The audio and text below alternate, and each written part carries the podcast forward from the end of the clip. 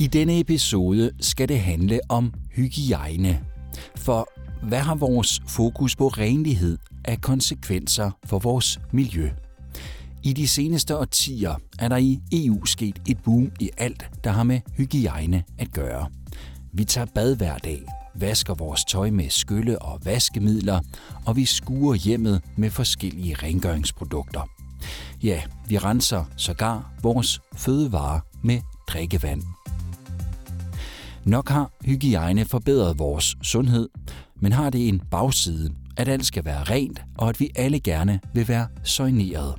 Og har vi fundet balancen mellem hygiejne og natur?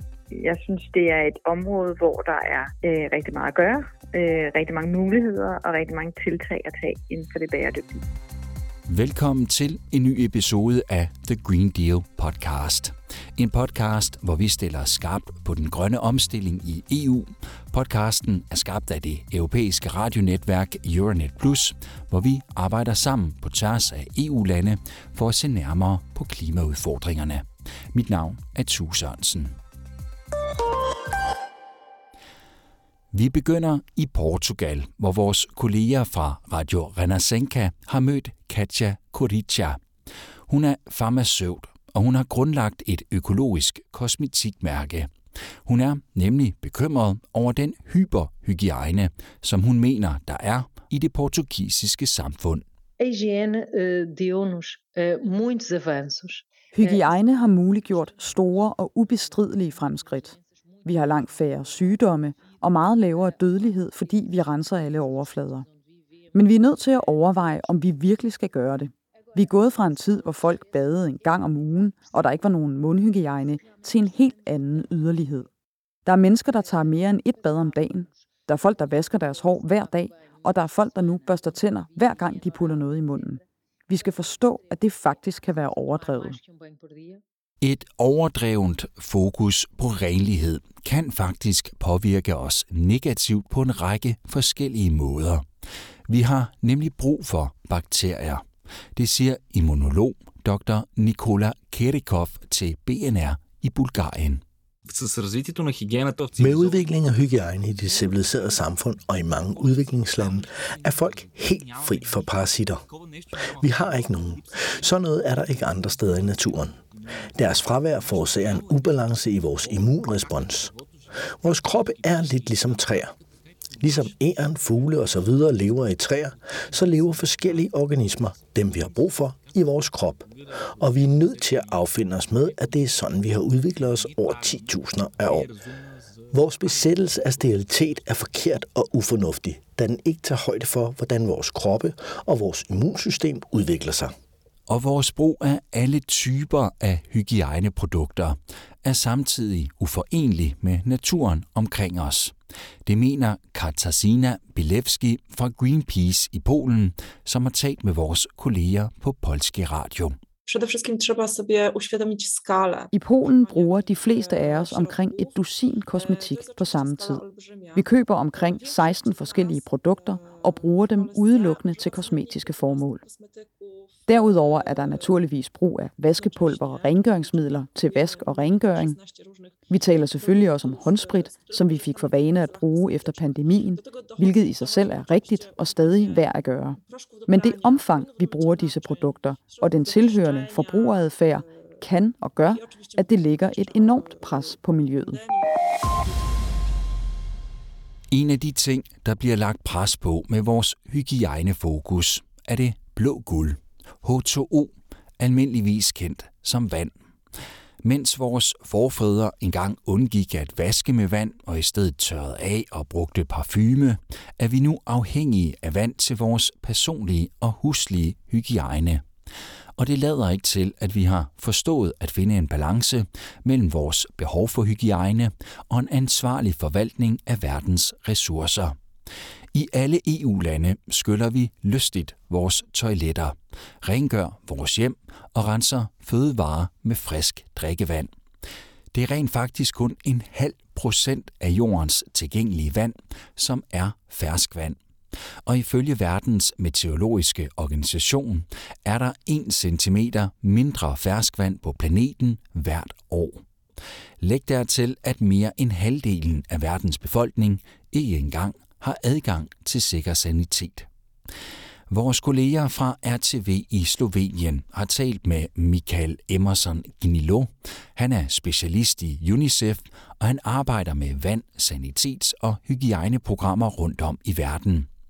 Han forklarer, at mens sanitet bør fremmes, så er det også nødvendigt, at vi ikke glemmer værdien af vand. Det er vigtigt for os at fremme vand som en værdifuld ressource, også i lande, hvor der ikke er vandmangel. Det er vigtigt, at alle lærer denne adfærd, fordi den har indflydelse på mange andre ting, f.eks. omkostningerne ved vandforsyningen. Det kan være, at du skal betale en højere pris, fordi vandet skal transporteres og behandles for at få vandet til at strømme gennem dine rør. Du skal også udvinde det fra naturlige ressourcer. Alt det koster penge, fordi det koster tid og energi. Og derfor skal husholdningerne betale mere. Ifølge Simona Rasale, som er kommunikationschef hos den litauiske affaldsorganisation Saliasis Taskas, så er det faktisk overraskende nemt at bruge mindre vand. Det fortæller hun til vores kolleger på radiostationen Sinjo Radjas. Du kan for eksempel køre vaskemaskinen eller opvaskemaskinen, når den er fuld. Det anslås også, at brusebad bruger fire gange mindre vand end at have et bad. Og regnvand er en glimrende erstatning for at vaske bilen eller vande haven. Det er grundlæggende foranstaltninger, der virkelig vil hjælpe med at bevare vandressourcerne. Milano, Zagreb, Bruxelles, Sofia, Riga. Og så skal vi hjem til Danmark og have fokus på rengøring. For de fleste, i hvert fald for mig personligt, en træls ting, der bare skal overstås. Og så er det for mange en ting, der ikke kan gøres ofte nok. Vi gør alle rent, fordi vi ikke vil bo og leve i et beskidt hjem. Og det er jo forståeligt. Men et rent hjem eller en ren arbejdsplads kommer ikke altid med ren klimasamvittighed. Rengøringsmidler indeholder kemikalier, som belaster miljøet, når de havner i kloakken med spildevandet. Selv efter en tur gennem et rensningsanlæg slipper en del af de skadelige stoffer ud i vandmiljøet. Læg dertil vand, strøm, plast, papir og affald i forbindelse med rengøringen, som også både tager på ressourcerne og sætter et klimaaftryk.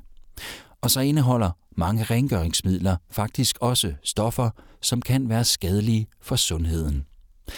Derfor skal der være, og er der også, fokus på bæredygtighed i rengøringsbranchen. Det siger Katja Winter, som er administrerende direktør og medejer i rengørings- og serviceselskabet Partneren AS. Det gælder ikke kun øh, os som leverandør inden for det her område, men det gælder lige så meget inden for, for de kunder, vi, vi arbejder ude hos. Inden for fem års tid begyndte det at rykke noget, øh, og man kunne i tale sætte det meget mere ud hos kunderne. Øh, altså en ting, når man leverer en service, øh, som i det her tilfælde kan være rengøring, så kan man også tit levere det, der hedder tilsvarende, som er papir, øh, køkkenrullepapir, toiletpapir, håndark, øh, plastikposer og sådan noget. Det er også en del af det ofte i øh, de løsninger, vi leverer. Øh, og vi har kunnet se en kraftig udvikling i, at det, at, at man køber og har et forbrug af papir, som er 100% bæredygtigt i en cirkulær proces, er meget mere vigtigt i dag, end det var for fem år siden. Det samme er egentlig inden for plastik. Øh, når man snakker om øh, genbrugsplast, øh, en ting er, at man bruger nedbrydelig plast eller genanvendeligt eller andet andet, det er også til at sætte spørgsmålstegn nu over for kunderne, om der overhovedet er brug for plastikposer. Partneren AS har omkring 230 erhvervskunder, der blandt andet tæller detailkæder, eventsteder, hoteller, institutioner og skoler. Virksomheden slår sig selv op på en bæredygtig profil. Men når selve udførelsen af arbejdet foregår ude hos kunder, så handler det for servicevirksomheden også om at få kunderne med på samme dagsorden ved at være med til at præge deres adfærd og valg. Derfor har selskabet udviklet et beregningsværktøj, som kan beregne og analysere klima- og miljøpåvirkningen af rengøringen. For derefter at kunne strikke grønnere løsninger sammen. Vi lægger jo ind med rigtig meget data på vores kunder. Vi ved, hvad de selv køber ind af materialer, og det er helt fra, hvad der er støvsuger, og hvad der er rengøringsvogne, og hvad der er spande, og hvad de har også forbrug af papir og plastik. Alt den data lægger vi inde med. Og den data øh, kører vi ind i et Excel-ark, og så beregner vi simpelthen år for år, hvor meget øh, volumen der simpelthen er brugt. Øh, og den beregner også på affaldsstenen. Øh, for der kommer en masse affald ud af det her, og det kan den også beregne på. Den kan også beregne på, øh, hvad vi bruger af kørsel frem og tilbage. Øh, den beregner også på, øh, hvad vi vasker. Øh, vi har jo en masse klude eller andre ting, vi vasker øh, dagligt ude hos en kunde, eller som vi skal køre på vaskeri, der beregner den også, hvad det udleder. Så den tager en masse faktorer med, så den går både på forbruget, på kemien, på affald, på transport, og så på øh, det, der hedder øh, ekstern, som sådan som vaskeri øh, eller vask. Og så udleder den også, den fortæller simpelthen også, hvad vi bruger af mængder af vand og el. Og det her ark, det kværner sig igennem og har øh, i princippet, det, så udleder den et, et CO2-regnskab, men det er ret meget ned i detaljerne inden for de her forskellige områder. Og den gør det jo på øh, enkelte produkter, så det er ret hurtigt en tag i det her ark at finde frem til, hvis man kan sige det sådan lidt lavpraktisk, hvad sønderne er. Øh, og i og med, at vi kan finde ud af, hvad sønderne er, så har vi også mulighed for at gå helt nøje ned og indtage og ændre det her, eller at kunne forecast ind i, hvad er mulighederne for at lave, gøre nogle andre tiltag, så det bliver mindre. Beregningerne og analyserne suppleres af et digitalt og interaktivt værktøj, der er mere visuelt og dermed bliver mere formidlingsbart og forståeligt. Og på den måde kan partneren AS gå ind i en anden form for dialog med deres kunder om at træffe de grønne rengøringsvalg, fortæller Katja Winter. Det er jo det, der er øh, simpelthen så vidunderligt og øh, på en eller anden måde fantastisk det her, fordi at øh, dialogen bliver øh, på en helt anden måde og nuanceret. Øh, Øh, lige pludselig så snakker man om en fælles agenda, og, øh, og det er bæredygtighed, og det er enormt berigende faktisk. Det skaber en, en virkelig nuanceret dialog, som ikke i vores verden altid skal handle om, tidligt sagt, tid og pris, men skaber mere et grundlag for at gøre noget fælles og en ændring på noget, som alle har et ønske, ønske om at ændre. Men man kunne så også bare spørge, hvorfor vælger et rengøringsselskab som partneren AS ikke bare at være et bæredygtigt et af slagsen, vælge de grønneste rengøringsløsninger, som findes derude, uden at de nødvendigvis skal diskutere det og gå i dialog om det med deres kunder. Ja, det er sjovt, fordi det gør vi faktisk også. Øhm, et helt konkret eksempel faktisk, det er, at, at vi har valgt at, at gå ind og, og være, også være svanemærkscertificeret, og det stiller en masse krav. Øh, så jeg vil sige, at hvor vi kan træffe beslutninger, der gør vi det. Øh, hvor vi har mulighed for at påvirke, der gør vi det 100%. Men der er bare også en del af det, vi ikke kan gøre noget ved. Vi kan gå ind og stille krav til affaldssorteringen. Vi kan gå ind og komme med idéer og grundlag for, at de måske har mere bæredygtige papir, eller har øh, eventuelt kan vi også oplyse dem om, at deres toiletter de er for gamle, og når hver gang der laver et skyld, så skylder de alt for meget vand. Øh, men vi kan jo ikke gå ind og stille krav på, at de bare ændrer det fysisk derude. Spørgsmålet er så, hvilken forskel en rengøringsvirksomheds tilgang og tiltag kan gøre. Det kan være rigtig svært at sige, som Katja Winter siger, men hun mener, at det er det eneste ansvarlige at i tale sætte bæredygtighed. Og gør man det, så håber og tror hun på, at det vil gøre en forskel og føre til grønnere rengøringsvalg.